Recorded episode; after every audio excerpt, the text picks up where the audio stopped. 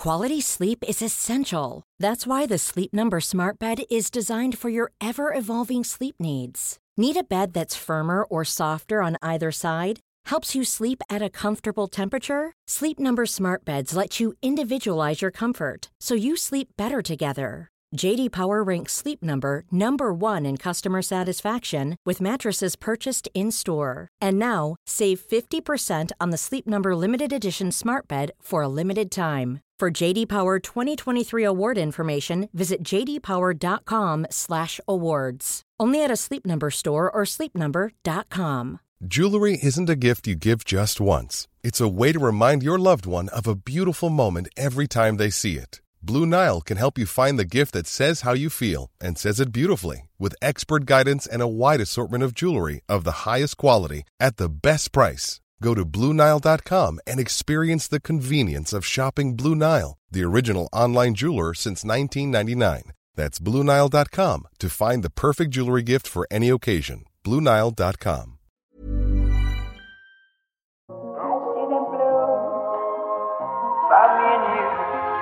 And I think to myself, what a wonderful world. Nei, det er, det er stas eh, å ha Det er stas å ha storfint besøk, Øystein. Det er jo det. Eh, Og det er jo ikke hver eneste dag vi har det, eh, men, men vi har jo vært heldige så langt. Men i dag så mener jeg vi er ekstra heldige, for vi vi har besøk av en fyr som, som jeg beundrer. Han er jo faktisk fra mitt hugg. Tom, du er fra Lillestrøm, er du ikke det? Jo, stemmer det. 2000 Ja, det ser du. var postnummeret før. Du er 2000 blank. Jeg tror ikke vi har bytta. Jeg tror det er det fortsatt. Jeg har en mor og en far jeg, som bor Jeg tror det er 2000. Som, de holder ekte på 2000 fortsatt. Det holder ikke med 2004, skjønner du. Det er litt for langt bort i, på sida. Ja, ja, ja, det går ikke. Det er, det er, sånn, det er sånn Lillestrøm med gigantiske gåseøyne.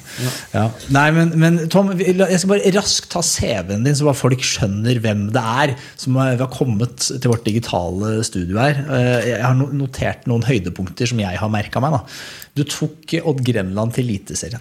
Og siden har Odd Grenland vært der. Så det er på en måte, du tok det en gang for alle til Eliteserien. Eh, og så holdt du på å gjøre det samme med Sandefjord. Litt sånn, men det var nesten. nesten.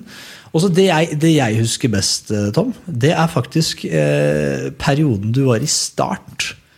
Altså start, sta- hvor, Hvem var Start? Ingen, vi hadde jo ikke noe forhold til Start. De hadde de, hadde de gule, de prøvde seg med noen gule drakter, og for oss LSK-supportere så var jo det liksom Ja, jeg ser hva dere prøver på, men helst ikke. Men her kom du, farta inn, eh, opp i Eliteserien, og de hadde og haug av sånne knøttefolk. Doffen og Strømstad, og det var liksom bare sånn de, Men Sølv tok dem. eh, Og, og Hvor mange landslagsspillere var det til slutt? da? Fem-seks stykker? det var de sju, de var var sju på det meste, men, eh, men eh, det var jo samtidig som den der gullfiskreklamen gikk på TV, at Doffen er daua. Det var akkurat da Doffen var populær. Så det stemte bra. Ja, han var Men jeg må, arrestere, jeg må arrestere deg litt, for uh, eh, Odd har vært nede én gang. Fordi at, fordi at vi vant 5-0 med Viking. Det var sånn redningsaksjon i 2006. Så skårte jo Start mot eh, Odd, eh, og det førte til at Odd kom i kvalik og rykka ned i kvalik mot Bodø-Glimt. Så det var nede en eh, dupp da i 2007 der. Eller åtte, okay. da. Og så tok Fagmo dem opp igjen. Så de har vært nede én sesong. Ja, ok da. Ja, Men, det okay, skal jeg ta skylda for, i hvert fall. Nei, ja, det, er, for det, er mye vi kan, det er mye folk prøver å skylde på deg, men akkurat det der kan de, det finnes det ingen, ingen bevis. Og så men- husker jeg også, Tom jeg må ikke, må ikke, CV-en er jo, Du har utrolig lang CV, eh, og den er utrolig, det er mye bra her. Og jeg husker du tok eh, Lillestrøm til cupgull i 2007. Det trengte LSK eh, på den tida, så det, var, det, det er vi evig takksomme for. Um, og så har du vært masse andre steder. Og så, og så helt nylig nå så dro ikke du Skeid, altså gamle storheten Skeid, som har ligget med brukket rygg og brukkende og røkende korsbånd og alt. Bare sneik de opp i Obos-ligaen. Jo, det var litt kult, for vi rykka opp med 3,5 millioner i budsjett. og De spurte meg forskjellen på KFM Oslo og oss. og Så sa jeg der oppe så har de bønn før og etter trening, og, og alle, alle er hvite. Eh, Hos meg i Skeid så kom tre av spillerne for seint, for de ble kasta av trikken, for de hadde ikke billett. Nei, der ser du. Så, så det var en litt annen kultur. Ja, og, og her kommer vi inn, for der sier du det. Dette er jo da episodens hovedtema. Fordi felles for alle disse klubbene, det er én ting til felles.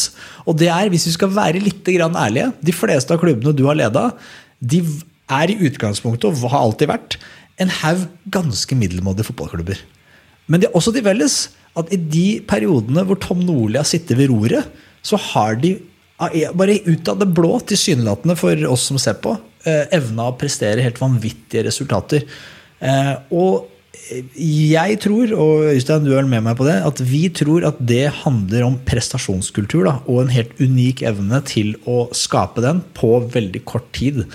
Um, og det har vi lyst til å dykke veldig veldig, veldig mye mer ned i. Man kan da dele en uh, morsom historie før vi går på det seriøse? Det er greit. Jeg satt, hjemme, jeg, jeg satt hjemme, og hadde et av mine mange måltider før. Og så på, og så, og så på Golden Goal med, med, Johan Golden og han Elvestad, er det vel. Og så skulle Alex Ferguson gå av i United. Og så var det snakk om de skulle ansette The Special One, altså Mourinho. Og så sier Johan Galden nei, nei, nei, ikke ta han.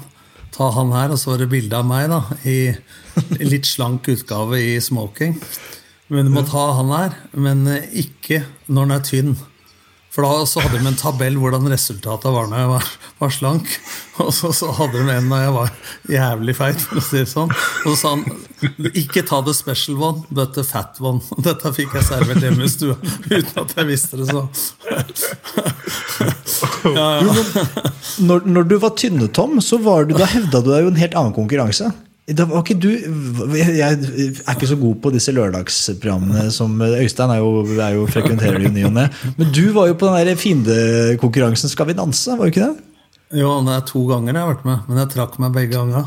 Så jeg har aldri vært på TV. Så jeg har, jeg har ikke rekorden der, for å si det sånn. Nei, det har ikke Øystein heller. I, Nei, Den ene gangen jeg trakk meg, så var det faktisk eh, Jeg har jo en datter som er adoptert fra Colombia.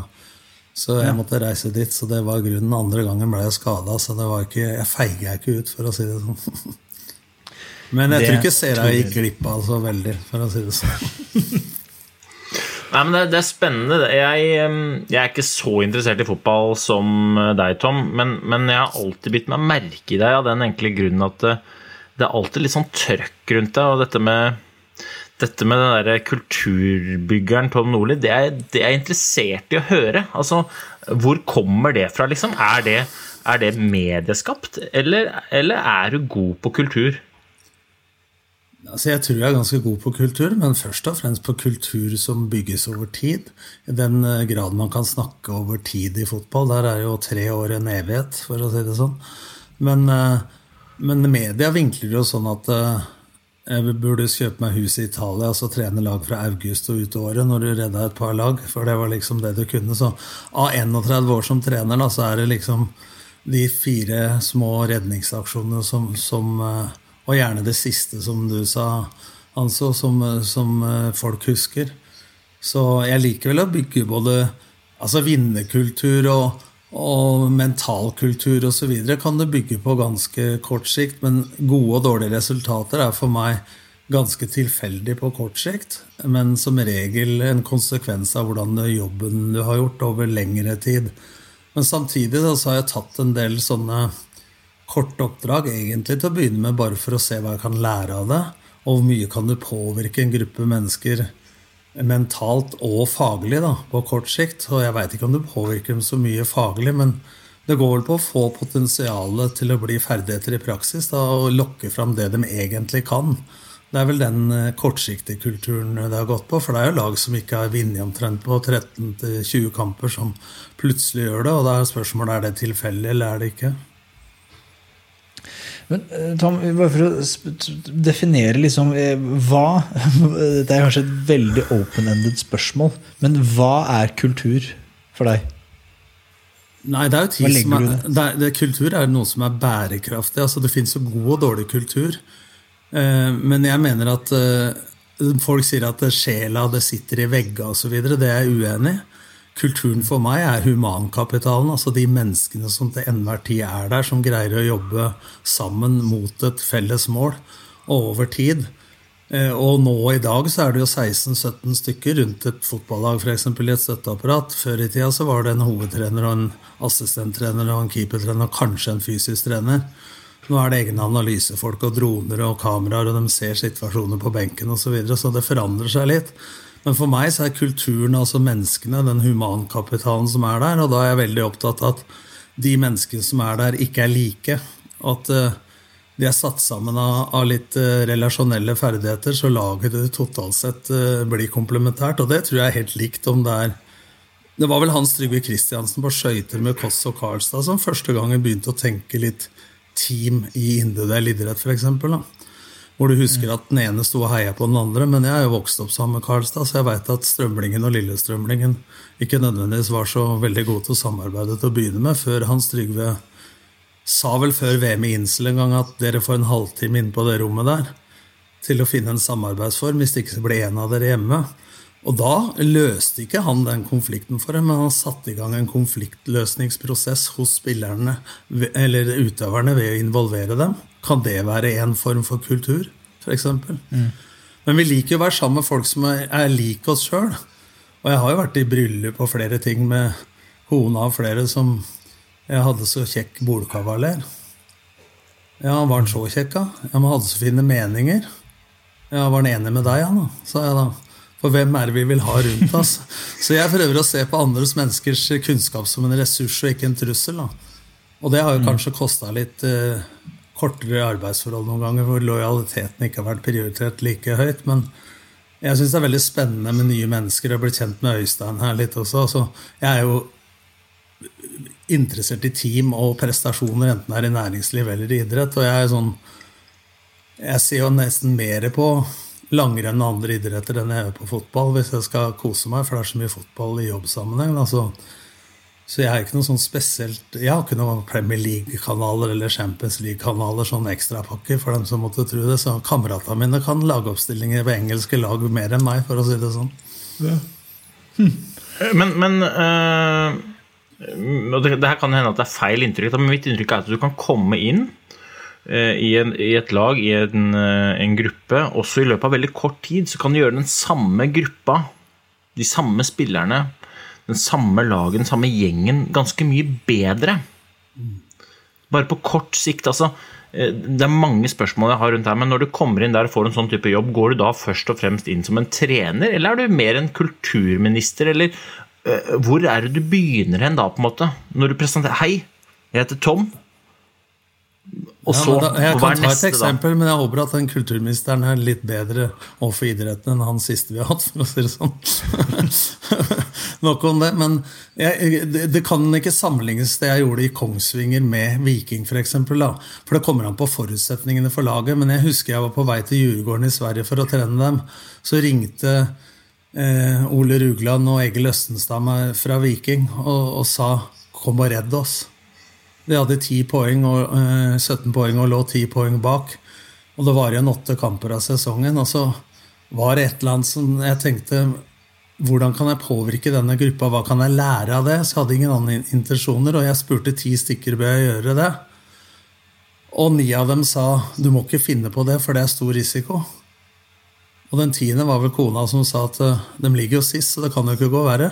Så det er jo kanskje det minst risikofylte jeg har gjort, gjort i hele mitt liv. Men jeg kom faktisk inn i garderoben, og jeg hadde jo det er litt sånn Når du får sparken som fotballtrener, så blir du ekspert. Så kan du fortelle hva de andre burde gjort. så jeg var ekspert i TV 2, og så satt jeg og hørte på Allan Gårde, kaptein i Viking, og dem var jo tippa som medaljekandidat. Og Tom Prahl, trener fra Sverige, som hadde gjort det veldig bra. En bra trener, men fikk det ikke til i Viking. Og så eh, hadde de sagt at vi er for gode til å rykke ned. Altså, De var ikke ærlige i nå-situasjonen.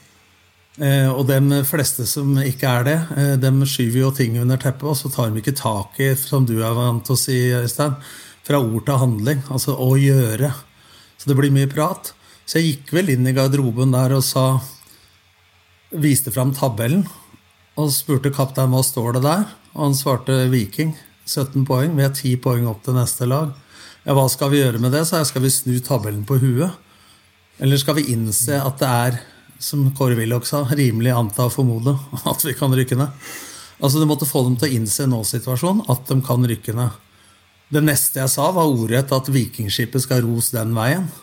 Og du var så rå i lederstilen at jeg hadde forberedt meg et par dager og kjente laget fra før, at jeg sa at jeg var så rå at jeg tok ut elveren der og da og sa at dere elleve spiller til søndagen. Dette var en torsdag. Og dere tre spiller når dem er skada. Så sa Øyvind Svenning hva skal vi gjøre? Så sa jeg dere kan bære båten til kaia. altså dere skal, ro, dere skal ro vikingskipet den veien. Dere ror, dem ror når den er skada. Og dere kan bære båten til kaia. Altså Den stillingsinstruksen eller oppgaven du har i laget til vanligvis, har ikke så mye å si i en krisesituasjon. Altså du, De trenger en bjellesau som Jeg liker ikke å si autoritær, men i hvert fall en autoritet som den respekterer faglig, som sier 'nå skal vi gå den veien'. Og da må du konkretisere og minimere en del ting. Og da går det på å få to-tre knagger. Dette gjør vi offensivt, dette gjør vi defensivt på et spillemøte. Og så går det rett og slett gå ut og være rå på å trene på det. Blant annet så hadde de ikke skåret på dødball. Og det var en spiller som het Reece Weston fra Cardiff, var leid inn for over en million. Og jeg gikk til han og sa jeg kan ikke bruke deg. Og hvorfor ikke, sa han. Ikke kan du språket. Ikke kan du spillestilen og kulturen i laget. Eh, jeg har ikke tid til det nå i en redningsaksjon, så du får eh, bære vann nå, så får du kanskje lov til å spille neste år. Altså, det er mye råere. Du går ikke under huden på hver enkelt og finner ut hvem som er den innadvendte, utadvendte, hvem trenger kjæling, hvem trenger spark i ræva osv. Du går rett på det. Og så møter jeg en journalist da, som har podkaster for denne nå for tida i Våre vinnere, han Knut Skeie Solberg, ja. som sier at du har dårlig tid nå, liksom. Jeg har såpass dårlig tid, sa jeg, at jeg har ikke tid til å snakke med deg. Så er spørsmålet mitt er om jeg skal klage på at jeg har dårlig tid, eller om jeg skal bruke den tida jeg har eh, best mulig. Så deg har jeg ikke tid til å snakke med før etter kampen til søndag. så det går på sånne, går på sånne rå ting. Eh, du, men du har den garderoben der, så kan du ikke få 22 kuer i grønn eng som sier mø. altså Du var avhengig av å få Eye of the Tiger med en gang og få dem til å tro på det. Og da er jo kroppsspråket mitt ganske viktig, for det nytter ikke å si ja og riste på huet samtidig. Så alt du formidler verbalt og med kroppsspråk og alt, og selvsagt det faglige innholdet som de hadde respekt fra før, det er avgjørende for oss. Og så var det det å ufarliggjøre situasjonen. Det kom 16 000 og så på Viking hver eneste gang. Full ny stadion. Og da sier jeg det er 16 000 som alle skulle ønske de hadde drakta si på seg. Det fins eh, arbeidsløse, det fins eh, folk med rus, det fins direktører, det fins alle typer mennesker på tribunen som ønsker de hadde drakta si. Rolling Stones spiller bedre på Wembley enn i kjelleren på Rockefeller, hvis det fins enda. Jeg sa i hvert fall det. Hvorfor skal vi være nervøse, eller skal vi si som Kjell Kristian Rike at det, altså i fotball så er bortebane vanskelig, men i skiskyting så er det visst jævlig vanskelig på hjemmebane. Hvorfor er det sånn? Fordi ting har blitt sagt så mange ganger.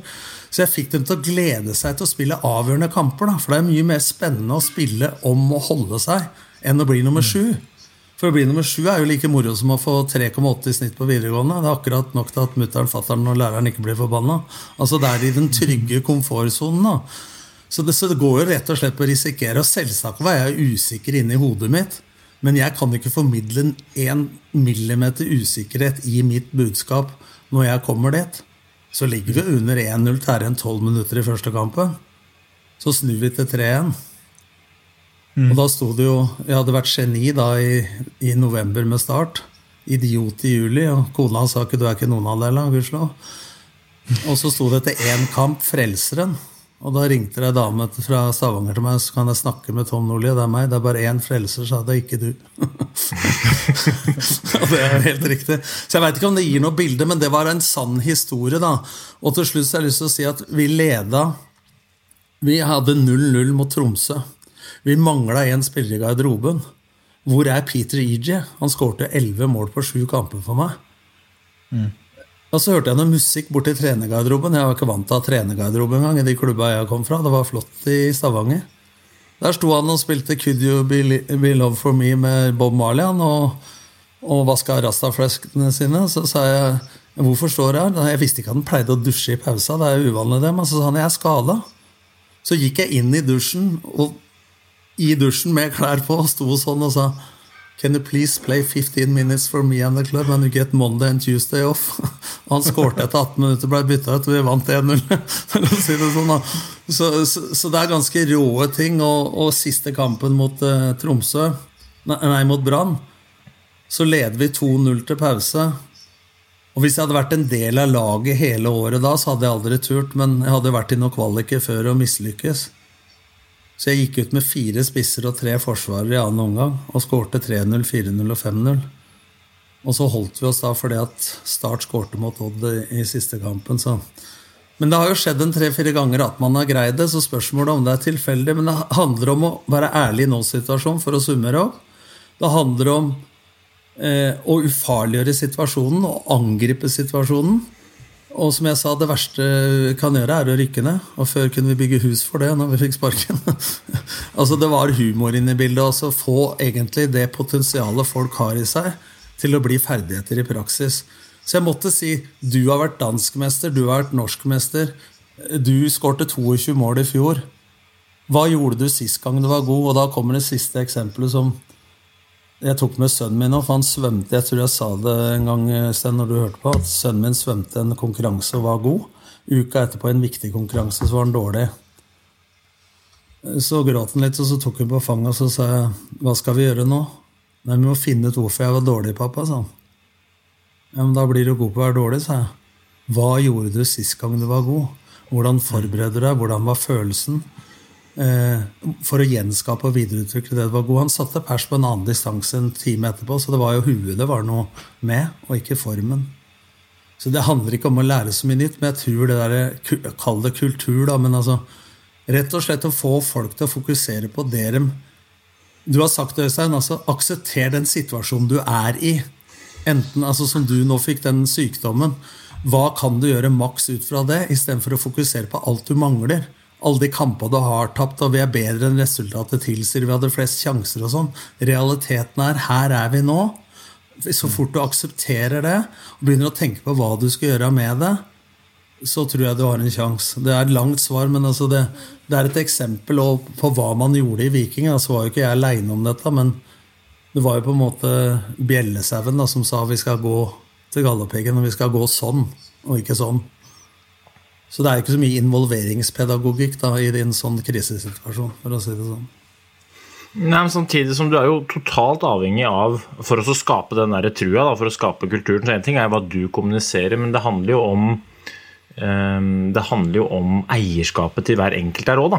Det derre rå, den rå forståelsen av at i et lag, uavhengig av om du vil eller ikke, så påvirker vi hverandre. Det er ikke mulig å ikke sitte i en garderobe og ikke påvirke de som er rundt deg i rommet. og enten du eh, Enten så påvirker du positivt, eller så påvirker du negativt. Eh, det er veldig sjelden at man har lyst til å påvirke negativt, men det er noen som gjør det uten at de vet det. Og så er det jo noen som er veldig gode til å påvirke positivt.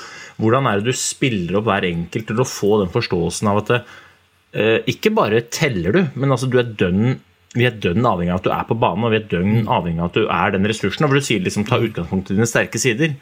Hvor, hvor, hvor, tidlig i prosessen og hvor god er du til å få folk til å si at det er dette her jeg bidrar med, det er dette jeg har lyst til å bidra med, og jeg tar 100% eierskap for det?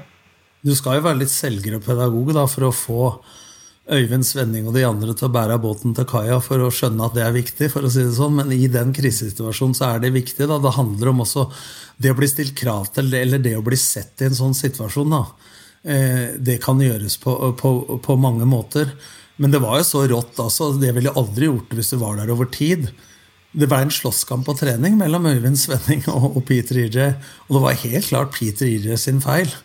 Men jeg gikk jo gjennom, og Øyvind Svenning fikk jo en skyllebøtte ut av de grader. For han andre hadde jo skåret for meg hver eneste gang. Han andre var innbytter. Og så Ti år etterpå kom han og besøkte meg på gården i Skien. Og så lurte han på hvorfor, så fortalte jeg ham det. Da, da holdt han på å lese her, for han måtte ha en forklaring. Men, men jeg kjente jo laget Øystein, ganske godt fra før. Eh, og da kjenner du de faglige ferdighetene, og så må du selvsagt kjens, eh, altså litt på de myke psykososiale ferdighetene. Så du treffer jo ikke på alle, men det handler om å treffe majoriteten her. Og finne ut av eh, Du får ikke så mye tid til å ta den innadvendte og, og stryke den på skuldra å være pedagogisk, og skal du sparke den andre bak. Det blir litt mer sånn rå ledelse i en sånn krisesituasjon. Altså, det er ikke alle. Men når de har tapt så mye som de har gjort, så er det akkurat som det kommer inn som Åge Samuelsen og Karsten Isaksen. altså At de kjøper ganske mye av det du sier, hvis du er faglig dyktig og kan selge det inn på en troverdig måte. da. At dette gjør vi. Ja, men eh, det er jo, det er jo en skummel altså, Bruk meg selv som eksempel, da, men i, i motgang så er det jo veldig lett at man blander to helt viktige ting. Da. Det ene er sympati og trøst, og det andre er jo det du faktisk trenger å høre. Og Det er jo veldig lett at man når ting er vondt, og når ting er liksom eh, det går motgang, så, så søker man jo trøst, man søker jo sympati. Mm. Mens det man egentlig trenger, er å fortelle deg det du behøver å høre for å forandre situasjonen dit hvor du har lyst til å komme. Og om, jeg kjenner ikke Øyvind Svenning, men det, jeg tenker at det, han trenger jo å høre at din jobb er dritviktig, og det er jo bedre å være innbytter i et eliteserielag enn i førstedivisjon. Men innbytter er du, og det er det, det, er, sånn er det bare. Men du velger om du bidrar til at vi er i Eliteserien eller i førstedivisjon. Mm. Men den, den, tar du jo Du har jo et trenerteam også, så du tar det jo litt i plenum, men du tar det jo også på tomannshånd og setter deg ned under fire øyne og forteller faktisk i den situasjonen vi er nå, så er faktisk dette det viktigste du kan bidra med, og det er ikke fleip engang. For det handler jo om en treningssituasjon også. Du skal være der i åtte uker, og hvis alle som ikke er i de elleve som skulle ro det vikingskipet, så hadde jo dem komme kommet i båten og rodd andre veien, og da deler båten seg på midten. for å si det sånn, Så du har et kjempepoeng der, men, men du er ikke så opptatt av det, eller du, du sjanser litt mer. da, Du føler ikke og, og veit så mye om det som du er over tid et sted. da, som Du, du veit den pedagogiske innfallsvinkelen til hver enkelt individ for å få maks ut av hver enkelt. Så det blir jo litt mer på sjans. Men, men, jeg hadde jo spillere som Peter EJ. Og jeg hadde Jørgen Tengesdal og flere, som det var mange i klubben som hadde gitt opp og ikke ville jeg skulle bruke. Så at du kom inn også, da, så var det noen som kanskje hadde underprestert, som ikke hadde fått så mye tillit under forrige trener, uten at han var noe dårligere. Som fikk en ny mulighet også da, til å vise seg fram med sine ferdigheter. Og da må du være klokkeklar på hva du har tro på da, i, i en sånn sammenheng. Men det er helt klart et poeng her at du må kommunisere med alle. Men du har 22 da i den garderoben, og det er klart du treffer ikke alle. Så den blandinga mellom formidling i plenum og på tomannshånd, som du sier, den er viktig for Men jeg er ikke sikker på at jeg treffer på det alle trenger å høre. For da, det er vanskelig hvis du har vært der eh, i tre kvarter før, før første trening, for å si det sånn.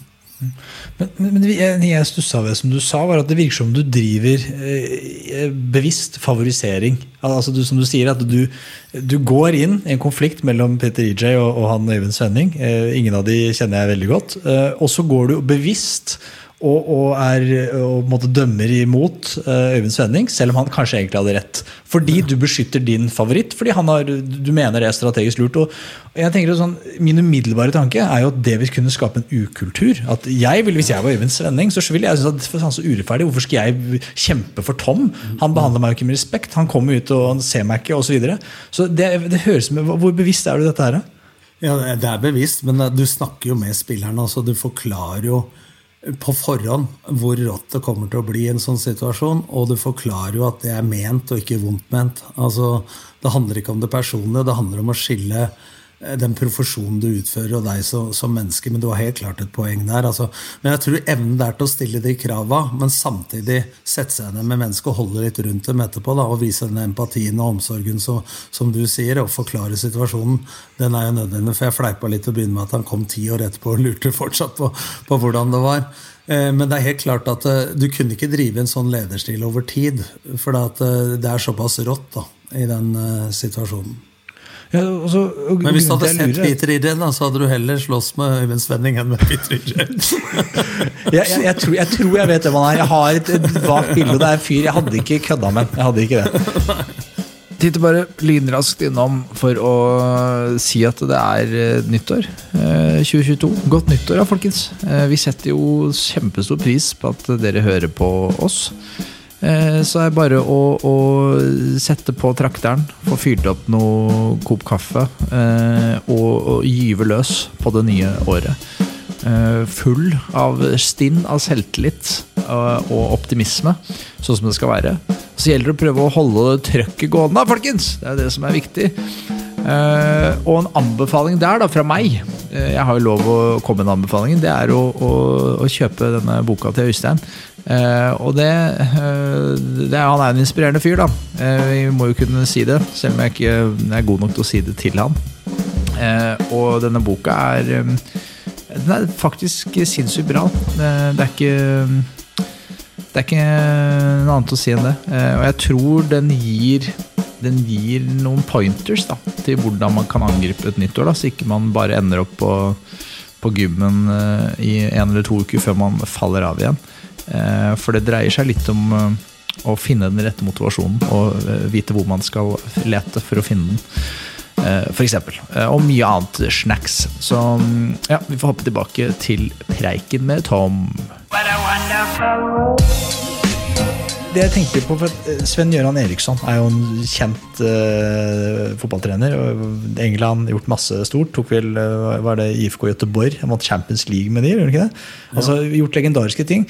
Og her, Dette er ditt fag, så, men jeg mener og erindrer at han også har sagt at en del av hans filosofi var at han kommer inn i et lag, så identifiserer han enerne, altså favoritter. Og så har han noen som han, som han helt åpenbart og helt i tilsynelatende all offentlighet favoriserer. Og så får han det til å funke på et vis. Er det litt noe av det samme du, du mener her? Eller? Ja, at i du må gi noen den tilliten? Enerne Ja. trenger den tilliten på et vis? Ja, I en krisesituasjon, ja, men det, da snakker du mer om at det ikke favoritt, men hvem skal du bygge laget rundt? Altså de naturlige lederne i laget, i hver, i hver lagdel f.eks. Men jeg er helt motsatt der hvor jeg er over tid. For at det er mange som har sånn at de yngste må pusse skoa i gamle dager da, når det var lærsko, du må bære mål osv. Og, og jeg har vært sånn eh, ganske klar på det at eh, her er det alle betydning. Om du har spilt ett minutt, så har du like mye taletid som en som har spilt 500 kamper. Altså, det kan sitte mennesker der med med ferdigheter oppi hodet sitt, eh, med forslag til hva kollektivet burde gjøre, som ikke enerne har noe mer rett på, selv om de ikke er like gode til å utføre i praksis. Så, så over tid så er jeg faktisk helt motsatt. Så for meg så er det to vidt forskjellige lederstiller. Da. Du kaller det situasjonsbestemt ledelse. Da. Hva krever situasjonen som, som man er oppi? For det gjelder jo eh, millioner, det her. ikke sant? Og da da har spillerne faktisk vært ganske flinke til å sette sine individuelle behov til side da, til kollektivets beste. I en ja, Lillesunds var det åtte dager. Dette var åtte uker. Um, jeg, må, jeg må bare um, Du sa jo at guttungen hadde svømt, og så sa du at han ikke skulle uh, leite etter det som gjorde at han hadde svømt dårlig, for du mente at da, ble, da forsterka han jo det dårlige. Og jeg ser på meg at i et lag som, som sliter, han ligger nederst på tabellen, så det er veldig lett å snu på alle steiner og leite etter det man gjør feil.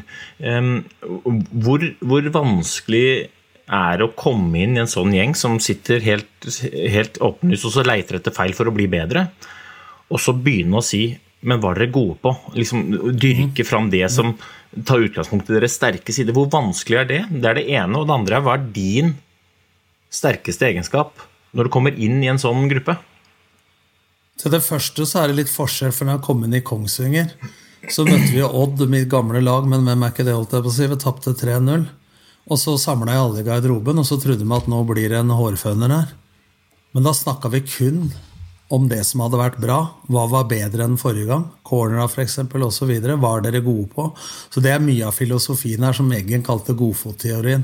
Rett og slett, hva er du god på? Som jeg sa i stad, du var norgesmester i fjor, du var svenskmester, du skårte 22 mål. Hva tenkte du da for å frembringe rett og slett de gode egenskapene de har i magen, men som de ikke i år har greid å, å, å være, eh, levere i praksis? Eh, Når det gjelder eh, hva jeg er god på der, eh, det blir jo litt subjektivt, men det jeg har hørt, og det jeg tror sjøl, det er at jeg er såpass dyktig at jeg tør å være enkel. Altså at, og så snakker jeg et språk som Ola, Kari og tanta på Tveita skjønner. Så jeg tror formidlinga og, det konkrete direkte, og ikke noe om og men og usikkerhet rundt det, men at formidlinga formidles med kroppsspråk og verbalt på en måte sånn at eh, de ser at jeg tror på det. Og hvis du har da noen CV og resultater i bånn også, så, så tror, og i tillegg da får et resultat å begynne med, da, så får du en enorm tro på det, spesielt hvis de da ikke har vunnet på 13-14 kamper, som ofte er situasjonen. Så, så det går egentlig da på også, selv om det er rå på det Hanso sa, i forhold til å ta favoritten osv., så, videre, så går det jo rett og slett på å finne ut hver enkelts egenskaper. Det var jo en bekk i Viking som ingen ville bruke, men som var lokal, som jeg tenkte at han ville ofre livet sitt for Viking, for her skal han bo resten av livet, og det er klubben hans. Og ved å justere han litt, så, så fikk de jo blod, svette og tårer av han. da. Framfor en som kanskje var leid inn, eh, som skulle bare videre til et annet sted. Han hadde hjertet der, da. Så du spiller jo på de tinga også, ikke sant? Ja, det er fall, det er hvert fall, jeg kjenner meg veldig igjen i den der følelsen av at når ting går bra, så glemmer man å dyrke fram øh, suksessfaktorene sine. Og så når ting går dårlig, så angrer man så innmari på at man ikke vet årsaken til at man var god en eller annen gang. For da går man bare og, og leiter etter alle feilene. Det er det ene. men for et par-tre uker siden så var jeg heldig og hørte på dere på Clubhouse, eh, Tom, og da snakka dere om akkurat dette her, og da var det noen som sa det at eh, hvis vi blir bedt om å si våre svake egenskaper, så sier vi 'jeg er'. Og når man blir bedt om å mm, snakke om sine sterke sider, så sier 'jeg tror jeg er'. Mm. Eh, og det gjorde du akkurat nå. Så hvis, noen, hvis, du hadde spurt gjengen om ja, hva er dere gode på, de hadde svart tr 'vi tror vi er gode på cornere', hva hadde du svart da? Nei, det kan du gjøre i kjerka, det er antagelig svart, da. det, er bra du arresterer meg for det. Så par, retorikk kommer du langt med i denne bransjen men, men, men, men, det er jo sånn, når vi snakker til hverandre, så er det jo ingen tvil om at Og dette holder jeg foredrag om, at hvis jeg skal si eh, noe til deg, da Øystein har gjort noe bra, eh, så sier jeg kanskje Bra, Øystein. Men hvis du har gjort noe dårlig, så holder jeg ofte et langt foredrag, for jeg litt overpå. Og da kan jeg påpeke en hel masse ting. Så jeg er veldig bevisst på å fortelle hva du var god på, og hvorfor du var god på det, så du kan gjenskape og videreutvikle det. Så det er noe av hovedfilosofien her. Det er det er ingen tvil om. Og så har jeg slutta å si at du kan bli alt du vil, det hørte du også på Gløva, men du kan bli alt du er. For det fins begrensninger, men du kan bli alt du har muligheter til, i hvert fall innafor den situasjonen du er i, eller det potensialet du har. Og der, der ligger, det, ligger, det, mye. Så, så, både i den indre samtalen i hodet til spillerne, eller når du snakker til folk, så tror jeg det er veldig viktig hva du fokuserer på. Og jeg har jo hatt trenerkollegaer, uten å nevne navn, jeg, som tapte åtte kamper på rad. Som sa vi er bedre enn resultatet tilsier. Og så vant den endelig den niende kampen. Så sa journalisten nå er vi fornøyd. Nei, vi har vært bedre de åtte andre ganger. Så han var ikke glad da engang. Da blir det traurig å holde på. For da er det bare den som vinner, som har det moro. Så det gjelder å få litt humor og ufarliggjøre situasjonen, som jeg sa i stad. Og, og spille for 16 000 og glede seg til det. Og ikke tenke konsekvenser, rett og slett. Men når du går inn i et um, altså, Si at du kommer til Viking eller kommer til et annet lag som ligger nede med litt brukket rygg. Er det først og fremst kultur du jobber med da, eller er det prestasjoner? Altså, hvor, hvor, sterk er kraften i god kultur og dårlig kultur? Da? Hva er det? Ta de fem nederste lagene i Tippeligaen. Er det ferdigheter, eller er det kultur som skiller de? Det er en blanding, tror jeg. Altså, jeg tror jeg, hvis jeg går, Nå sa jeg 'tror' igjen. Jeg går inn eh, i et lag, så får du ikke gjort noe med en etablert kultur, men du kan gjøre noe med prestasjonene på kort sikt. Men hvis jeg skulle trent laget året etter, så ville jeg jobba med alt som har med kultur å gjøre. Men der og da så har du ikke tid til det. For da må du begynne å grave i hvordan det har vært, og da blir det ofte fokus på hvorfor det har gått dårlig. Og så blir det sånn selvoppfyllende profeti. Ja, vi har hatt flest sjanser med små marginer imot, og vi har hatt mye skader osv. Det er null aksept for det de rett og slett står i der og da. Så der går det på prestasjoner og rett og slett få ut det de kan og har kunnet før. Og da handler det om også Hvis folk gjorde det dårlig forrige gang, så kan folk si eh, da går det sikkert dårlig denne gangen, og da lever de i fortida. Mens de ikke har gjort noe før, så tenker de at det har jeg ikke gjort før, så det går sikkert dårlig. Istedenfor når dattera mi kom fra Colombia, så var hun litt eh, Pippi Langstrømpe. Hadde ikke sett ski før. Kom fra 38 varmegrader. Så spurte barnehagen har du kjørt mye på ski. Nei, hun fikk dem i går. For hun var sånn at det har jeg ikke gjort før, så det får jeg sikkert til. Men hva er det som har lagd de vanene som gjør at vi ikke får det til? Altså Det er vaner og paradigmer og uvaner og alt som er. Så det handler om å leve i nåtida. da. Vi er her, her og nå. Dette er situasjonen. Hva kan vi gjøre med det? Hva kan du gjøre med det? Og da, Jeg kjøpte jo i Fredrikstad inn sånne små sminkespeil til alle. vet du, Prøvde å få dem til å si, se seg i speilet. og se at hva kan jeg gjøre med dette? Men når tre begynte da å rette på sveisen, så ga jeg opp. Så da gikk det ikke fullt så bra. for å si det sånn. Så vi, vi er ganske fine til å se ut av vinduet etter årsaker utafor oss sjøl.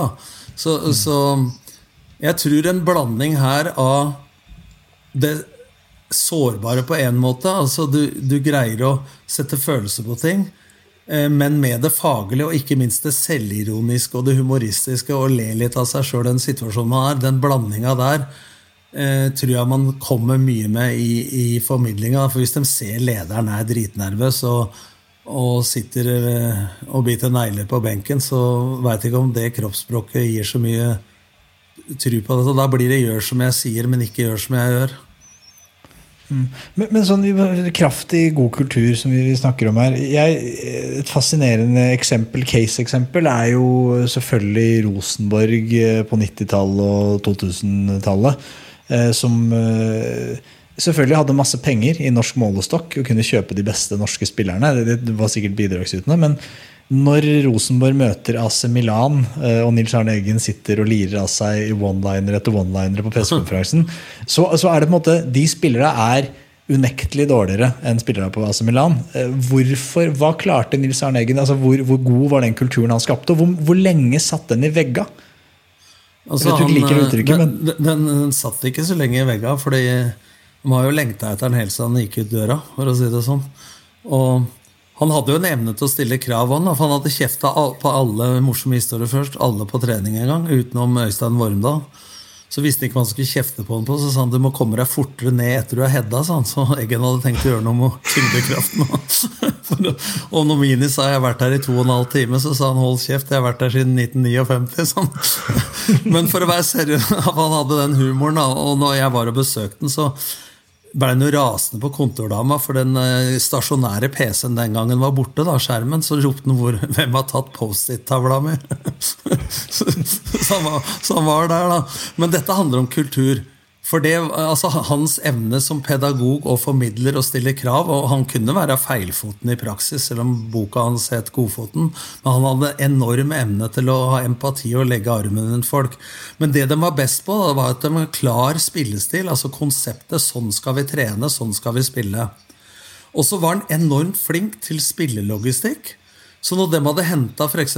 Trond Egil Soltvedt, som er fra Bergen, egentlig, og han var i ferd med å bli solgt til Coventry, så henta de Runa Berg fra Bodø-Glimt. Så fikk han 5 minutter, 10 minutter, 20 minutter. Og så satt det så innmari i kontinuiteten i humankapitalen at det var en del skjult læring, kalte Egen det. Det vil si læring fra utøver til utøver. Så slipper jeg å gjøre noe, som han sa. Så, så, så, så, de var så inne i det greiene der. Du ser det litt på Lillestrøm nå i mindre målestokk, hvor de samler seg etter scoring, og så er det ledertyper. Så, det, Runar lærte av Trond Egil, da, og så. Så den derre Han sto for konseptet, men så hadde han altså ledere, kall det favorittene, som du kalte Sven Gjøran hadde kalt det, da, som bringa kunnskapen videre i laget. Og Det er klart det er ikke så mange som setter spørsmålstegn med det da, når du tar 13 seriegull på rad. Det får du først prøvd når du butter. Men han holdt jo på å få sparken et år. da. Og mm. trua med å slutte, så kom han inn til et kvarter. Så dere må stemme sånn. Har dere bestemt dere nå? Sånn. kom inn, igjen. men, men den der samhandlinga der, da, for å dekke over de individuelle svakhetene, det er jo den som Bodø-Glimt per i dag lever på. De henter jo reserver fra Ålesund, som plutselig dominerer i i et annet konsept, da, en annen spillestil. Så det var vel Eggens store, store styrke. Sammen med Drillo. Han sa vi må ikke undervurdere England, var ikke det han sa? ja, men Det er et ganske godt poeng det du sier der rundt liksom, dette med humør og den der lederstilen med at det skal være litt gøy. Da. Min gode venn Sigurd Grammar han sier at kultur handler om akkurat det. Da. At det er en kul tur. Eh, og vi sier det at eh, gode prestasjoner skapes med et smil om munnen. Og du ser jo litt det, om det er på individuell idrett eller om det er i lag, eh, så er det jo alltid på en måte mange rundt. Og de som presterer godt, uavhengig av uh, idrett eller om det er i næringslivet, det er jo alltid folk som eh, de gjør jobben 100% med 100 eierskap og de greiene der, men de, er stort sett alltid liksom blide. Altså det, er liksom, det er en sånn positiv trøkk rundt det. Da, og, og, det opplever jeg som din eh, sterkeste side. At du kommer inn, og så selv om de ligger nederst på tabellen, så klarer du å skape litt entusiasme rundt at fattern, dette kan vi snu sammen, gutta.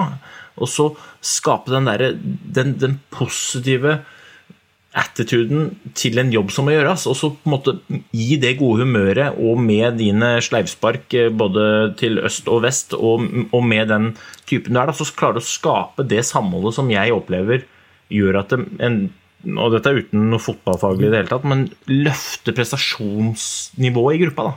Og det du ikke skal undervurdere der, er at noen kan jo tro at du ønsker å stå i sentrum i en sånn situasjon, men et lag som får spørsmål hver eneste uke av sine venner og media eh, om, om hvor ræva de er, så handler det om også å få dem til å fjerne seg fra de ytre påvirkningene som ikke gir dem energi. Hvem er du sammen med i en sånn situasjon? Og så handler det om at eh, det ene sleivsparket til høyre eller venstre kan være ganske bevisst fra meg da, for å lette trykket på spillerne og øke fokuset mot ta meg isteden. Ikke sant? Mm. Altså, da, da, sier du jo ting som du egentlig ikke ville ha sagt ellers, for å flytte så dem skal få konsentrert seg 100 eh, fra det. Men humør, så så er det, humør er både godt og dårlig humør. sånn. Men har du, har du noen gang møtt et temperamentsfullt menneske som ikke er blid også? Men her i Rosenborg så er det lov være forbanna. Ett sekund på rad. og så lo han. Altså, så det kunne, Takhøyden var enormt stor da, for den utblåsninga, men så var det et smil om munnen samtidig. så så Kall det kultur, da. At du skaper en kultur. Og jeg mener i en idrettsgarderobe så er vi flinkere til å rose og kritisere hverandre for den profesjonen du utfører, enn jeg er vant til fra lærerværelset og i næringslivet. For der tar vi det mer personlig, for der er det fagforeninger og én-til-én-samtaler, og, og, det er en annen kutyme, da. Så man blir ikke så ja. Ja, Det der er spennende, for jeg hadde lyst til å spørre om hvor, hvor, bevisst er du på tilbakemeldingskulturen da, som skapes når du kommer inn, og så blir det et, et retningsskifte på, på, alt som gjøres, alt som tenkes. Selv om på en måte, elementene er like, så, så blir det et klart retningsskifte. Hvor, hvor, tydelig er det på å kommunisere nye retningslinjer for tilbakemelding eller feedback? Eller, eller, er det bare noe som du lar uh, gruppa avgjøre sjøl? Nei, altså I en sånn krisesituasjon så er du bevisst på det. For, for, da går du inn rett og slett og sier at uh, sånn er det, og tilbakemeldingene går på den profesjonen du utfører, og ved én oppgave det er å redde arbeidsplassen til så og så mange folk.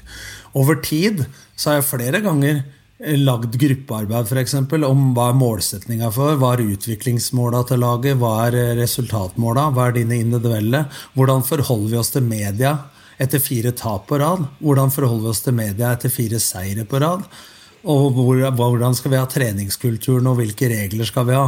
Så Der handler det om involvering, så folk får eierforhold til det vi holder på med. For det er ikke så lett å rekke opp hånda i juli og kritisere det du sjøl har vært med på å bestemme. Men jeg har jo vært så kynisk en gang. Vi skulle møte Rosenborg med Odd tilbake i 1999. Og da var jo dem slo Borussia Dortmund osv. Og, så og vi kom til Lerkendal, og jeg la fram tre måter å spille på for spillergruppa. Jeg var sikkert veldig god til å argumentere for den ene måten, for den valgte spillerne. Og så vant vi 5-3 der oppe. Og så sa Erik Holtan, keeperen, at Tom var så god trener, for han lot oss spillere bestemme hvordan vi skulle spille. Så det er klart at det, til en viss grad så var det sånn, men ikke helt. Så det er klart at du har jo ja, Ikke triks, da, men altså Du må jo være litt spissfindig på ting her, for at du sitter jo der med i garderoben med et spekter av alle typer mennesker, akkurat som i samfunnet ellers. ikke sant? Du har eh, innadvendte, utadvendte, du har supportere, analytikere, implementerere osv. Så, videre, så så det er ikke så lett å treffe alle, men du sjanser litt mer i en, i en sånn situasjon. Altså, hva er kultur?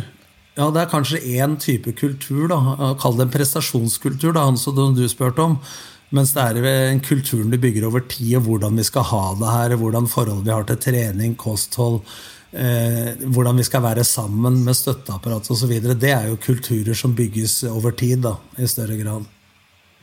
Hvis du med ett ord skal eh, trekke fram det aller viktigste hos hver enkelt for å skape god prestasjonskultur, da. Hvilket ord sier du da? Hos hver enkelt eh, utøver? Mm. Hva er du god på? Det er ikke ett ord. Men uh, Nei, men det er din, at hver enkelt blir bevisst på hva sterkeste, deres sterkeste side er.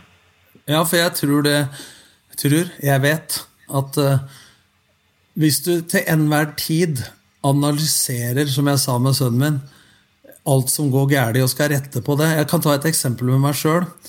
Uh, ifølge andre og familiemedlemmer så var jeg god på Bortsett fra hjemme kan det ikke være litt pedagog hjemme, som kona sa. Men så, la oss si jeg var god på 85 da. Så mangla de 15, og media sa at Tom tar plass, han stiller krav og sånn og sånn. Så henta jeg inn en kar fra næringsliv som skulle coache meg på dette, og han coacha kun på det som var ræva, selv når jeg syntes det var bra sjøl. Så for å rette på de 15, så til slutt så sa kona Hvor har det blitt av deg, Tom? Hvor har det blitt av de 85? For jeg var så opptatt av rette på de 15. Så når jeg hadde lyst til å reise meg opp på Hjemslund stadion og rope noe til en spiller, så tenkte jeg tenk om det står i VG. Altså, jeg, Tom kan forbedre seg, men han må ikke forandre personligheten sin. Jeg kan forbedre atferden og timing av tid og sted. Men jeg glemte de 85 mens jeg hadde så fokus på de 15. Så da tok jeg et eh, halvt hvileår for å finne tilbake de 85. For at jeg tror de 85 må du greie å beholde, mens samtidig som du forsøker å forbedre de 15. da. Men når jeg har levd så lenge som nå, så har jeg tenkt å bruke resten av livet på de, de prosentene jeg kan. Og så kan andre i firmaet driver med det som for firmaet er viktig, sånn som det tekniske i denne podkasten, som for meg er forfallende arbeid, som for deg, Øystein. Og så får han som ta seg av det. Men det er viktig. Men for deg og meg så er det ikke så jævla viktig, for det kan vi ikke. Det, og jeg veit ikke om det var et svar med Det var, var i hvert fall veldig deilig for meg å høre. Men, men du sa noe interessant før der òg. Det er naturlig å snakke med deg om fotball, for du er jo, er jo et orakel eh, i faget. Men, men jeg tror mange av lytterne her de, de er som meg. Da. Det er vanlige folk som, som er for gamle til å kunne komme på fotballbanen. Så det, det er på en måte et tapt kapittel. Men øh, hva Du sa det i stad at næringslivet og folk flest i liksom andre, andre sammenhenger enn i idrett, så er man litt for veik. Det er en ukultur, kanskje, på at man er litt for dårlig til tilbakemeldinger osv. Hva, hva er det man kan hva er det du ville gjort hvis du skulle kommet inn i en bedrift? da? Eh, Og du gjør kanskje det allerede som i jobben din. Hva det? Hva, det, hva tar du tak i? Det første er at eh, en setning jeg fikk innprenta av Frank Beck Du må ville det du kan, hvis ikke så kommer tiden da du ikke kan det du vil. Så du sa du var for gammel til å spille fotball, og jeg slår meg på magen nå er det for seint til å slå hjul, så nå er det bare forlengsrulle. Så det handler om å ville det du kan der og da. Og så handler det om, eh, handler om både for medarbeidere og ledere, og spesielt for ledere, å være så dyktig at du tør å være blant medarbeiderne dine. At du ikke er den som sitter på kontoret innerst til høyre som eh, alle har hørt om og ingen har sett. Og så mener jeg at lederne må tørre å vise litt mer hele følelsesregisteret i næringslivet. Det blir litt mye slips, og nå kommer den, og hysj, nå kommer den. At du får respekt for tittelen og, og den Det er bedre å være en autoritet enn å være autoritær. Altså Du skal respekteres for det faglige du kan, og det menneskelige du kan, hvordan du bygger team og lag og arbeidsplassen din. Så jeg mener at eh, Jeg husker jeg prata med en eh, høyt oppe i et, eh, et stort firma, på Clubhouse faktisk, som lurte på hvordan jeg turte å spille på hele følelsesregisteret. Så sa jeg det, det er kanskje litt mer sånn edgy. Men jeg tror hvis de veit at når jeg er forbanna, så er jeg forbanna, er jeg glad, så er jeg glad, er jeg rørt, så er jeg rørt. Og når jeg sier at du er for dårlig på det, men du må trene på det og det, så får du spille til helga, så er det en du er autentisk, du er ekte. Troverdigheten din rundt budskapet du formidler, er noe helt annet enn jeg sier han som står på til ukas for å spille til helga. Altså når du har gått ut døra, så veit jeg at du kommer jo ikke til å få spille. Altså, Da skyver jeg bare på beslutninga, fordi det er ubehagelig å ta det der og da. Det var en spiller som banka på døra til meg, så sa han Jeg kom inn, så sa han Jeg må spille, for jeg er bedre enn han. Så jeg sa gå ut, sa jeg. Gå ut igjen. Jeg får ikke lov å snakke. Jo, men gå ut, og så banke på igjen. Og så forteller du meg hvorfor du, hvilke egenskaper du har som skal bringe laget videre. Så skal jeg høre på deg. Men jeg er ikke interessert i å høre på hva du mener om lagkameratene dine. For det er derfor jeg er ansatt, for å sette det sammen. Det kan godt hende at det ikke er de elleve beste spillerne individuelt som er dem som samarbeider best.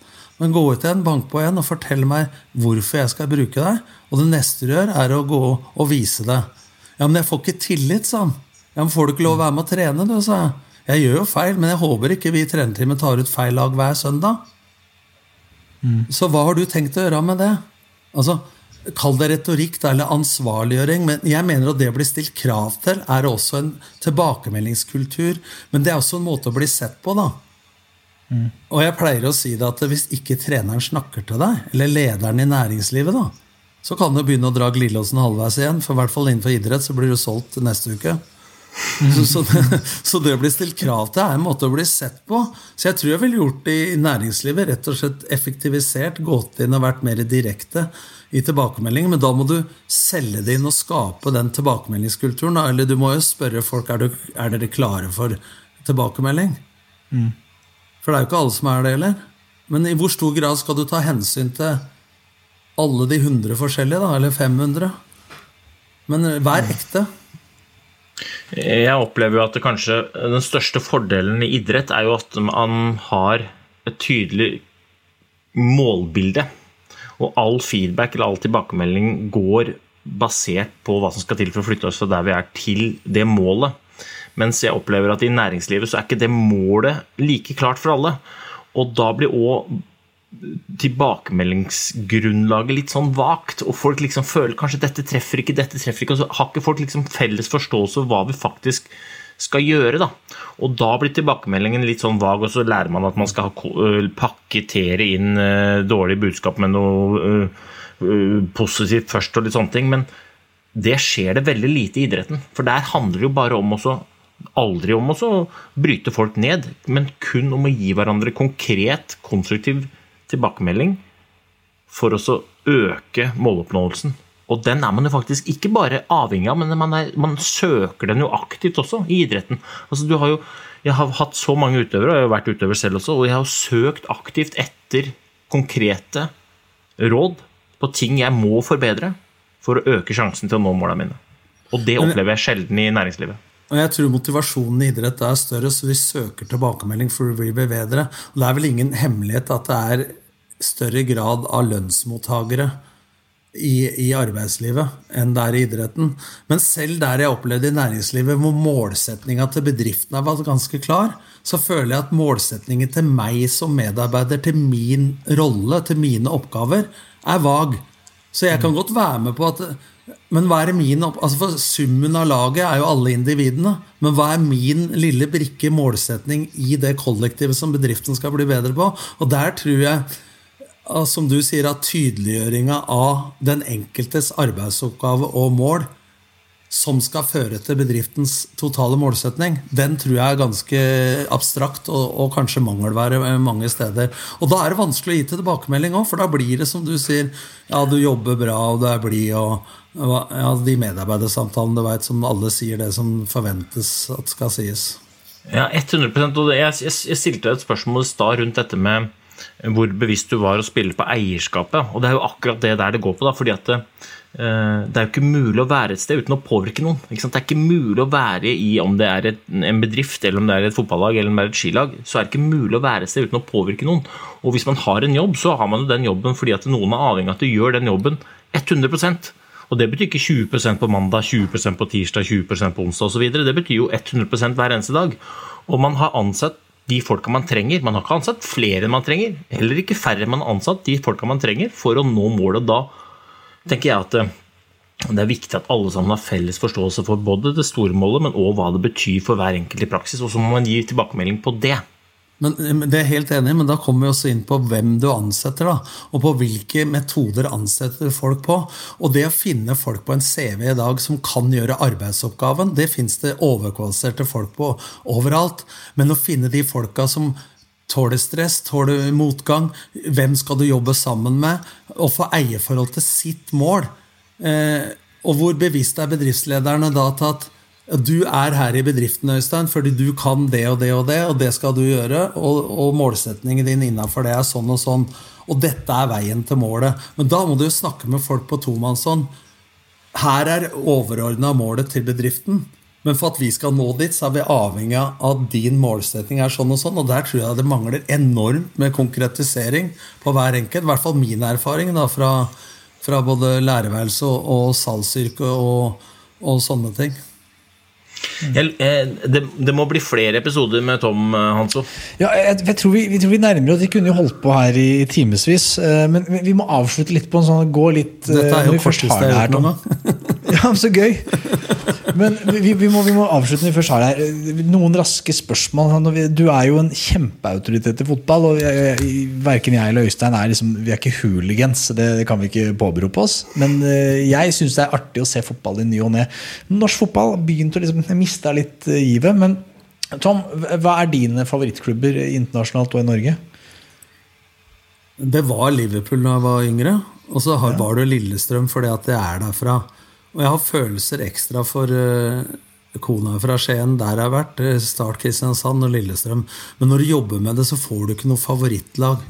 Rett og slett, Det er ikke noe sånn tåkesvar. Altså, fordi, Prøvde å beite deg ut. Ja, Prøvde du er- på glattisen her, for å si det sånn, du bytter så ofte jobb og klubb at du opererer inn hjertet i den perioden du er der. Der er du diplomatisk og god.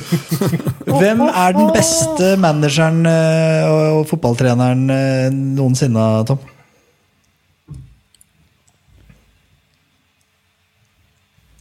Nei, Det er vanskelig, for jeg har levd så lenge. Du hadde jo en Bill Shankly i gamle dager, men av de nye nå så er det jo Guardiola, Klopp Det går i som for de fleste. Men det går ikke bare på fotballfilosofi, men det er den evnen til å være så knallhard, men samtidig være caring. da, Ta vare på humane mennesket oppi, oppi det hele. Eh, Ja.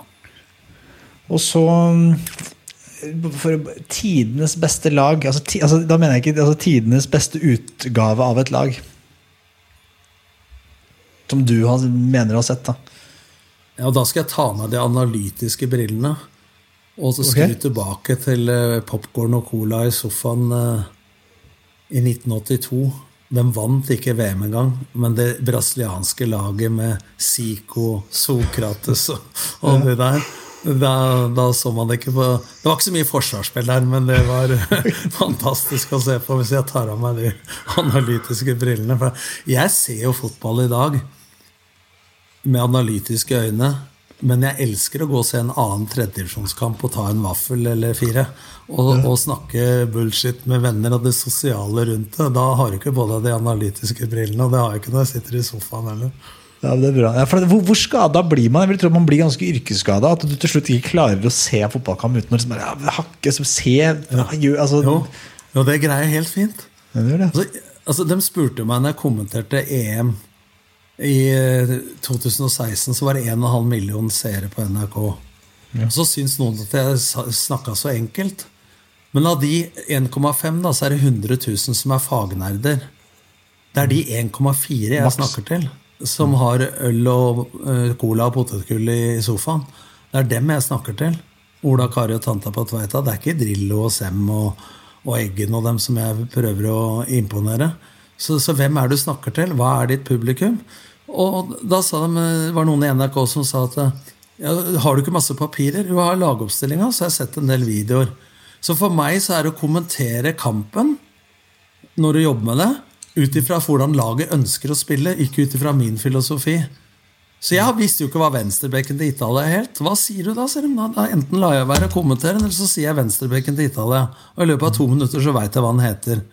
Altså Du er forberedt, da, men det er litt mer løs i snippen. For det er jo, var jo NRK lisensbetalere. Det er jo ikke folk med Uefa pro-lisenskurs som ser på kamper. Og det må jo er noe å mene. det. Rekdal meldte her om dagen at eh, han Langli var eh, traveekspert. Men han er en av de beste fotballekspertene. Men du må ikke ha vært eh, hest for å bli kusk heller, som jeg sa. Ja. Og med det så tenker jeg at eh, vi, vi må invitere deg igjen, Tom. Det er en fryd, og er- vi, vi kan nerde om eh, litt komplekse og avanserte ting. eh, og det er, det er veldig gøy. Det setter vi pris på. For oss så er jo du på hvert fall på Mount Rushmore over norske trenere gjennom tidene. og og, og du, du gir deg jo ikke, så du vil jo bare befeste din posisjon. Så du er helt der oppe, da. Og det, det håper jeg du vet. Eh, og Men det hadde vært hyggelig å, å komme tilbake og snakke som Øystein har gjort på klubb også. Og dette er jo snakk om situasjonsbestemt ledelse der og da av fotball. Men jeg tror at vi har mye å snakke om når det gjelder generell tilbakemeldingskultur, bygging av kultur, pedagogikk, formidling osv. Og, så og, og hva man kan få til. Og som du sier, Øystein, ikke si, men gjøre. Ord til Altså, handling. du, du har stående invitasjon både til eh, Bare gode dager på den. Og til en eh, hemmelighet som vi ikke kan eh, si her ennå. Men det blir ikke det siste vi ser av det blide fjeset ditt med briller og headset. Ja, det ser ikke bra ut. Ok, Før Øystein gir bort alle hemmelighetene vi har i krukka, så må vi bare gi oss. Det var kjempehyggelig. Vi snakkes, da.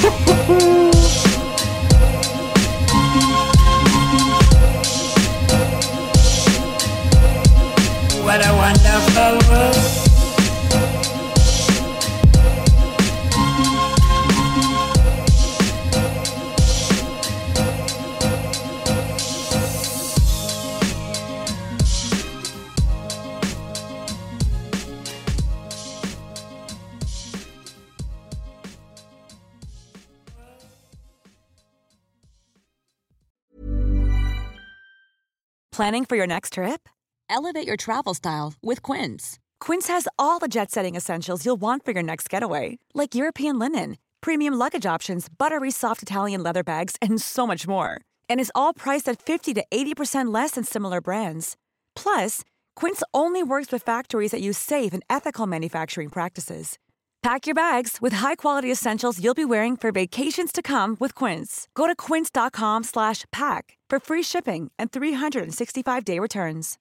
Imagine the softest sheets you've ever felt. Now imagine them getting even softer over time. That's what you'll feel with Bowl and Branch's organic cotton sheets. In a recent customer survey, 96% replied that Bowl and Branch sheets get softer with every wash. Start getting your best night's sleep in these sheets that get softer and softer for years to come. Try their sheets with a 30-night guarantee. Plus, get 15% off your first order at bowlandbranch.com. Code BUTTERY. Exclusions apply. See site for details.